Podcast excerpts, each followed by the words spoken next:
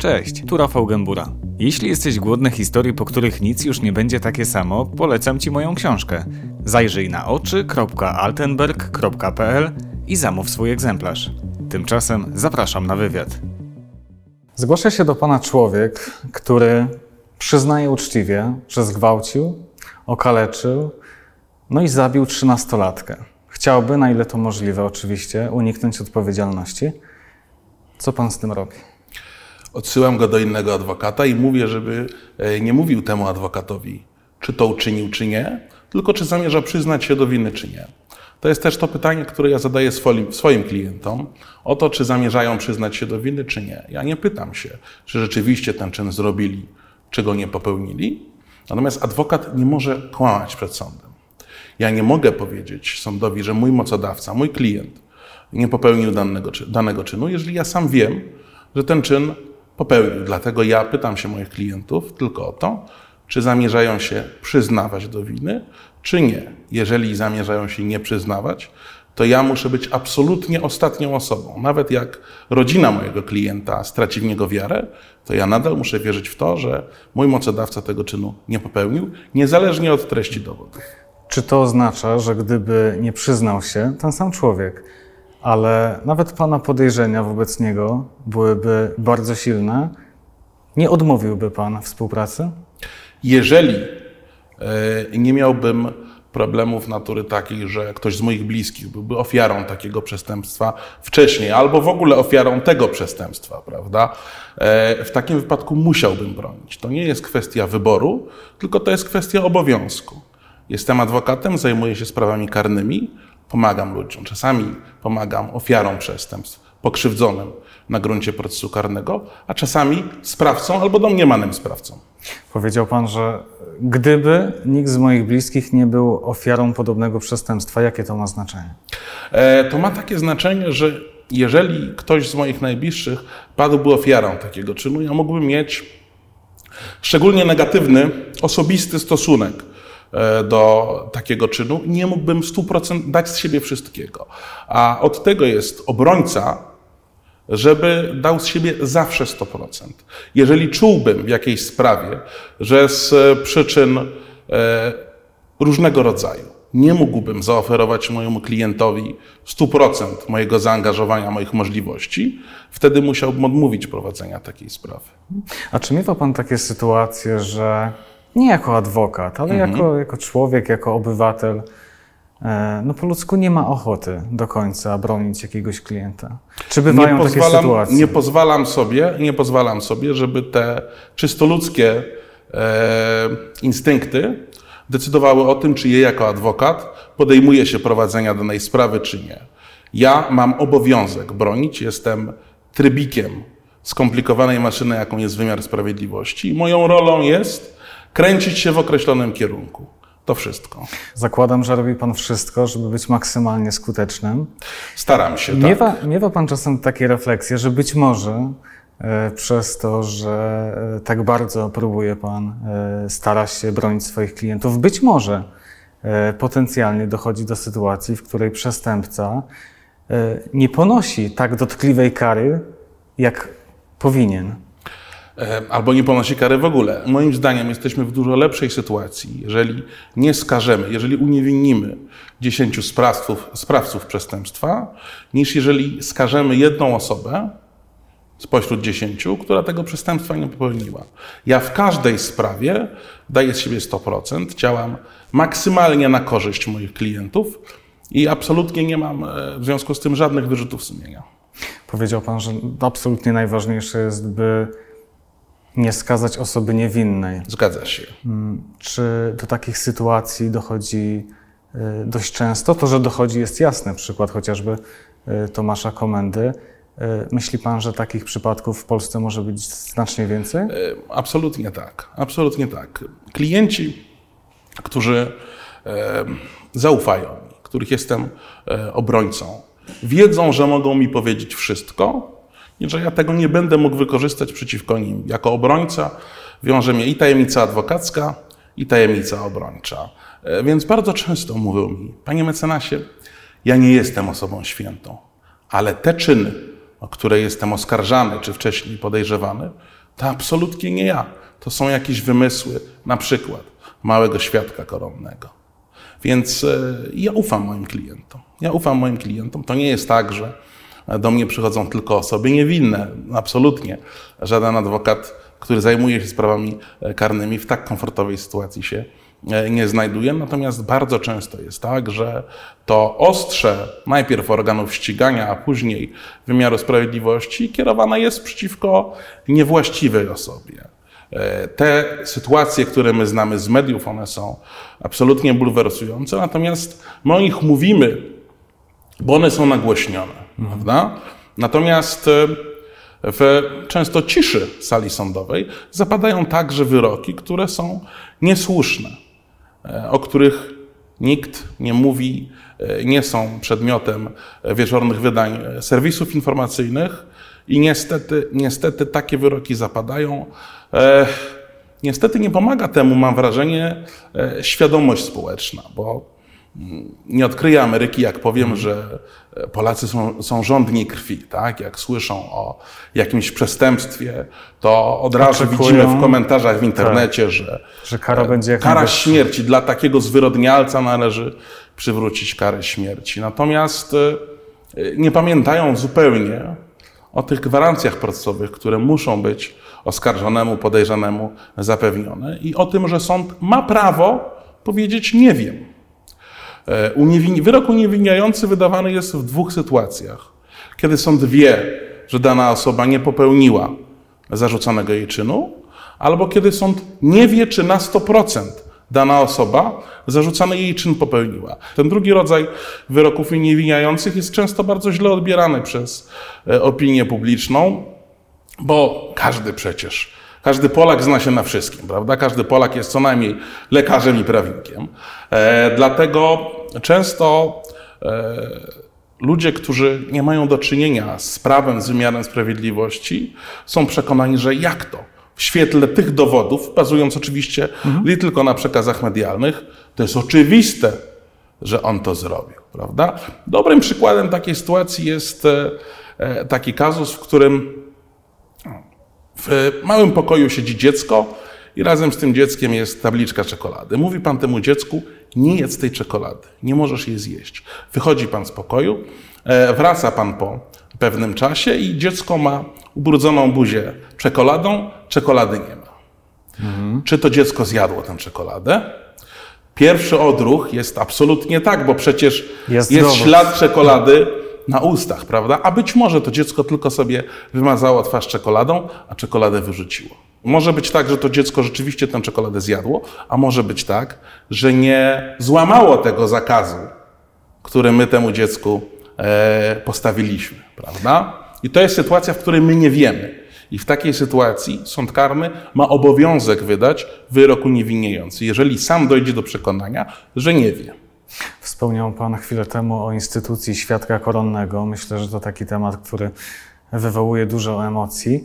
Czym w ogóle się różni świadek koronny od małego świadka mhm. koronnego? Jaka jest główna różnica? Oczywiście. Więc panie redaktorze, świadek koronny to jest instytucja, która została wprowadzona do polskiego systemu prawnego po to, żeby zwalczać plagę, jak podawał wówczas e, ustawodawca, plagę zorganizowanych grup przestępczych.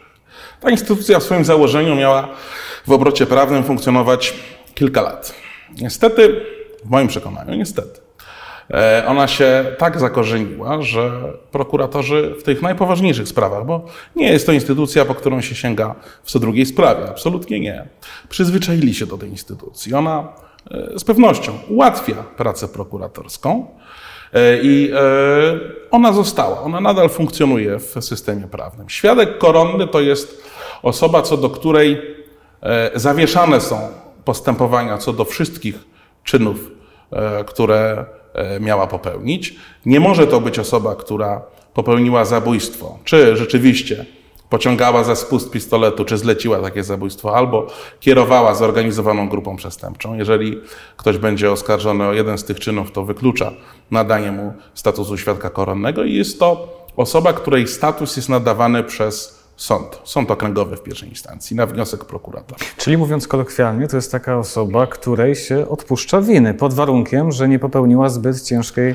Na okres, Zbyt na, okres, na okres postępowania, na okres postępowań, w których ta osoba będzie zeznawać, te postępowania się zawiesza i jeżeli rzeczywiście e, taka osoba okaże się w rozumieniu, w, w percepcji prokuratora osobą prawdomówną, to po zakończeniu tych wszystkich postępowań, w których świadek koronny zeznaje, tak, odpuszcza się winę. A mały świadek koronny Mały to świadek instytucja, koronny- którą się tak. częściej wykorzystuje. Zdecydowanie częściej. Mały świadek koronny to jest osoba, która najczęściej była zaangażowana w jakiś przestępczy proceder e, i albo zeznaje, albo wyjaśnia, w zależności od roli procesowej, w jakiej występuje w sprawie, na temat czynów, w które była zaangażowana. To jest ten mały świadek koronny z paragrafu 3 artykułu 60. Przepraszam za prawniczą nomenklaturę, ale tutaj to rozróżnienie jest konieczne.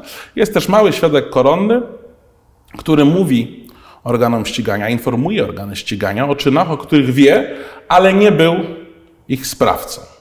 Nie współdziałał e, w ich popełnieniu, czyli nie, nie popełnił przestępstwa, nikogo nie e, podżegał, a i nie udzielił pomocy do popełnienia przestępstwa. To jest paragraf czwarty tego artykułu, o którym mówiłem i wtedy sąd stosuje nadzwyczajne złagodzenie kary na wniosek prokuratora. Jeżeli chodzi o tego małego świadka koronnego, który był zaangażowany w rzekomy przestępczy proceder, to wtedy sąd stosuje obligatoryjnie nadzwyczajne złagodzenie kary, jeżeli oczywiście zostają spełnione warunki, które, e, które w przepisach kodeksu karnego są tej instytucji postawione.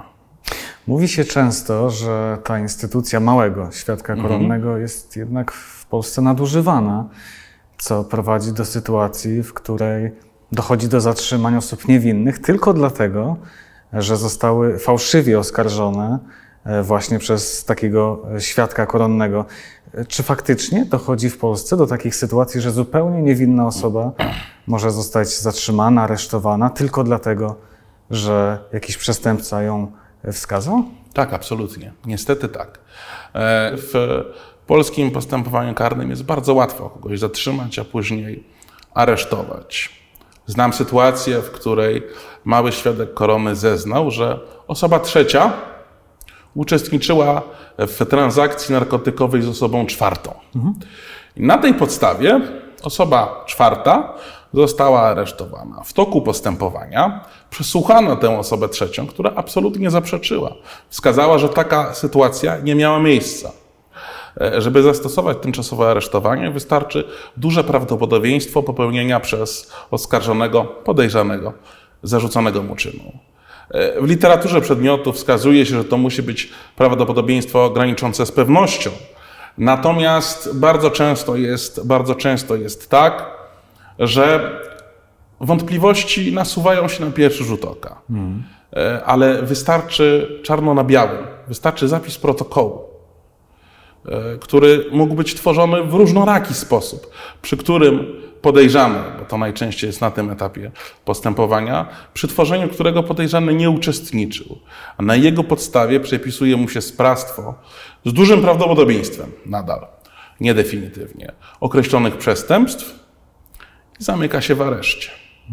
Jest też e, druga strona medalu, to e, na dylemat obrońcy, prawda? Ja, często uczestnicząc w posiedzeniach aresztowych, zapoznając się z aktami sprawy, bo podejrzanemu obrońcy przysługuje takie uprawnienie w zakresie, w jakim prokurator twierdzi, że te dowody mają stanowić o dużym prawdopodobieństwie popełnienia przez kogoś jakiegoś przestępstwa, widzę luki w materiale dowodowym. Widzę, że ten materiał dowodowy jest niespójny, że raz świadek, mały świadek korony X zeznaje czy wyjaśnia w określony sposób, Później by później na przykład za miesiąc wyjaśnić w sposób odmienny. I teraz wydawać by się mogło, że ja powinienem od razu wskazać sądowi, który luki. decyduje e, o tym, czy zastosować tymczasowe aresztowanie, czy nie, że takie luki istnieją. Że świadek, że, że zeznania, wyjaśnienia małego świadka koronnego są niespójne wewnętrznie. Nie prawda? wskazuje Pan ich? E, zawsze rozmawiam na ten temat z klientem, bo oczywiście, jeżeli ja je wskażę, to zmniejszam prawdopodobieństwo zastosowania wobec mojego klienta tymczasowego aresztowania. Ale już na tym etapie wytykam błąd prokuratorowi, który może dosłuchać, czyli przesłuchać ponownie małego świadka koronnego na te okoliczności, o których ja mówię, na które zwracam sądowi uwagę, często bez mojego udziału, mimo że ja nawet złożę taki wniosek, żeby być zawiadamianym o e, czynnościach śledztwa.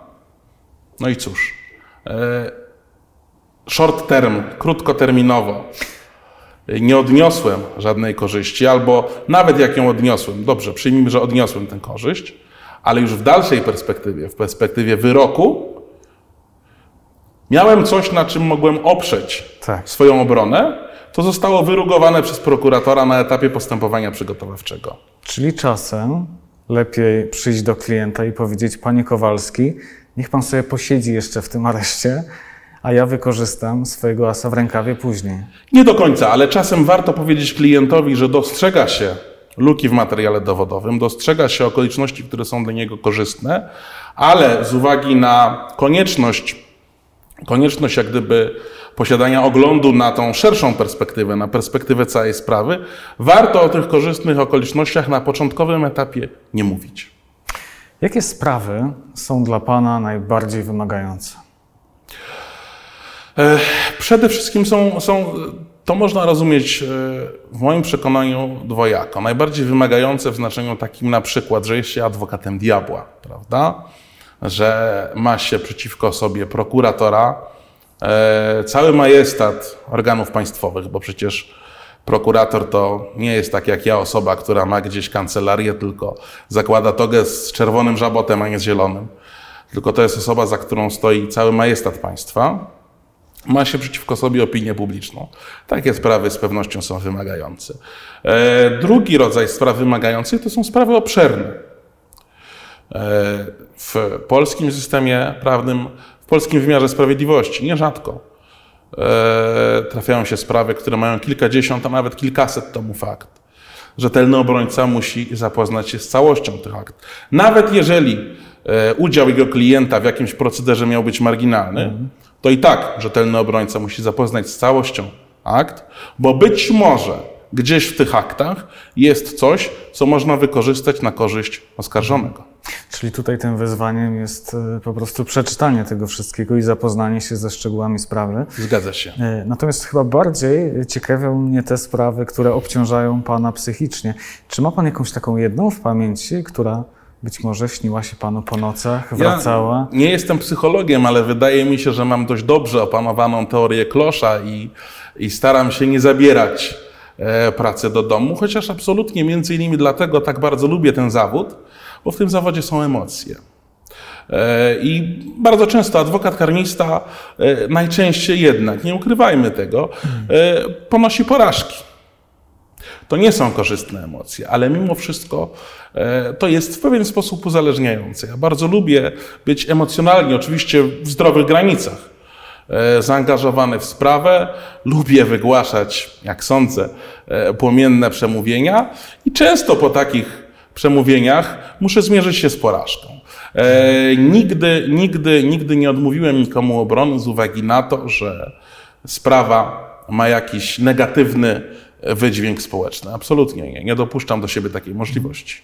Jaka więc sprawa do tej pory w największym stopniu najbardziej dała Panu w kość? Hmm. To jest bardzo trudne pytanie, panie redaktorze. E, Cieszy mnie to, panie mecenasie. e, na pewno, e, na pewno sprawa, w której spotkałem się z bardzo dużą niesprawiedliwością, to właśnie na etapie stosowania tymczasowego aresztowania, to sprawa e, mojego klienta, który został zatrzymany jako jedna z trzech osób i podejrzewany o, był podejrzewany o e, organizowanie plantacji marihuany. Dowody już na tym etapie e, początkowym wykluczały udział mojego klienta. To znaczy z trzech sprawców, dwóch sprawców się przyznało i wykluczyło udział mojego klienta. E, Nie było dowodów na przykład z zakresu daktyloskopii, czyli odcisków palców, z zakresu biologii, czyli śladów e, biologicznych, które są później badane pod kątem DNA. Czy na przykład mój klient wchodził do tego miejsca, gdzie ta plantacja e, była zorganizowana. Mimo to sąd rejonowy zdecydował się aresztować mojego klienta. Szczęśliwie po trzech tygodniach sąd okręgowy na skutek zażalenia, które wnieśliśmy, uchylił tę decyzję. Później postępowanie w stosunku do mojego klienta zostało umorzone. Prokurator nawet nie pokusił się o skierowanie do sądu aktu oskarżenia, stwierdzając, że rzeczywiście e, przeprowadzone postępowanie przygotowawcze nie dostarczyło ku temu podstaw. Natomiast jestem przekonany, że ta decyzja o tym, żeby mojego klienta aresztować, była głęboko niesłuszna. Czyli pana klient przez trzy tygodnie e, zupełnie niesłusznie przesiedział w areszcie. Zgadza się. E, Na sali sądowej e, dowiadujemy się tego ze wszystkich filmów i seriali. No, pana em, przeciwnikiem jest oczywiście prokurator. W sprawach karnych tak, ale nie tylko, bo przecież Tak. pokrzywdzony może stać się w procesie karnym oskarżycielem posiłkowym, może ustanowić pełnomocnika, którym może być też adwokat. Wracając jednak do tych filmów i seriali, można odnieść takie wrażenie, że e, panowie, państwo różnie bywa, się po prostu nienawidzą. Jak jest w rzeczywistości? Czy Nie, pan... absolutnie, absolutnie, absolutnie. Ja bardzo często, jeżeli prokurator na przykład jest na ogłoszeniu postanowienia o zastosowaniu tymczasowego aresztowania, podchodzę do prokuratora i gratuluję mu sukcesu. E, Mam wrażenie, że e, adwokaci e, są, nie chciałbym urazić prokuratorów, wielu z nich znamienitych, ale adwokaci statystycznie odrobinę lepiej znoszą porażki niż prokuratorzy. Taka jest moja prywatna opinia. Czyli koledzy z czerwoną togą rzadziej przychodzą te Tak, ale, ale takie przypadki, ale takie przypadki nie są niczym odosobnionym, że na przykład po wygranej apelacji prokurator podchodzi do obrońcy i mu gratuluje. E, Sala sądowa jest pewnego rodzaju teatrem, czy byśmy tego chcieli, czy nie.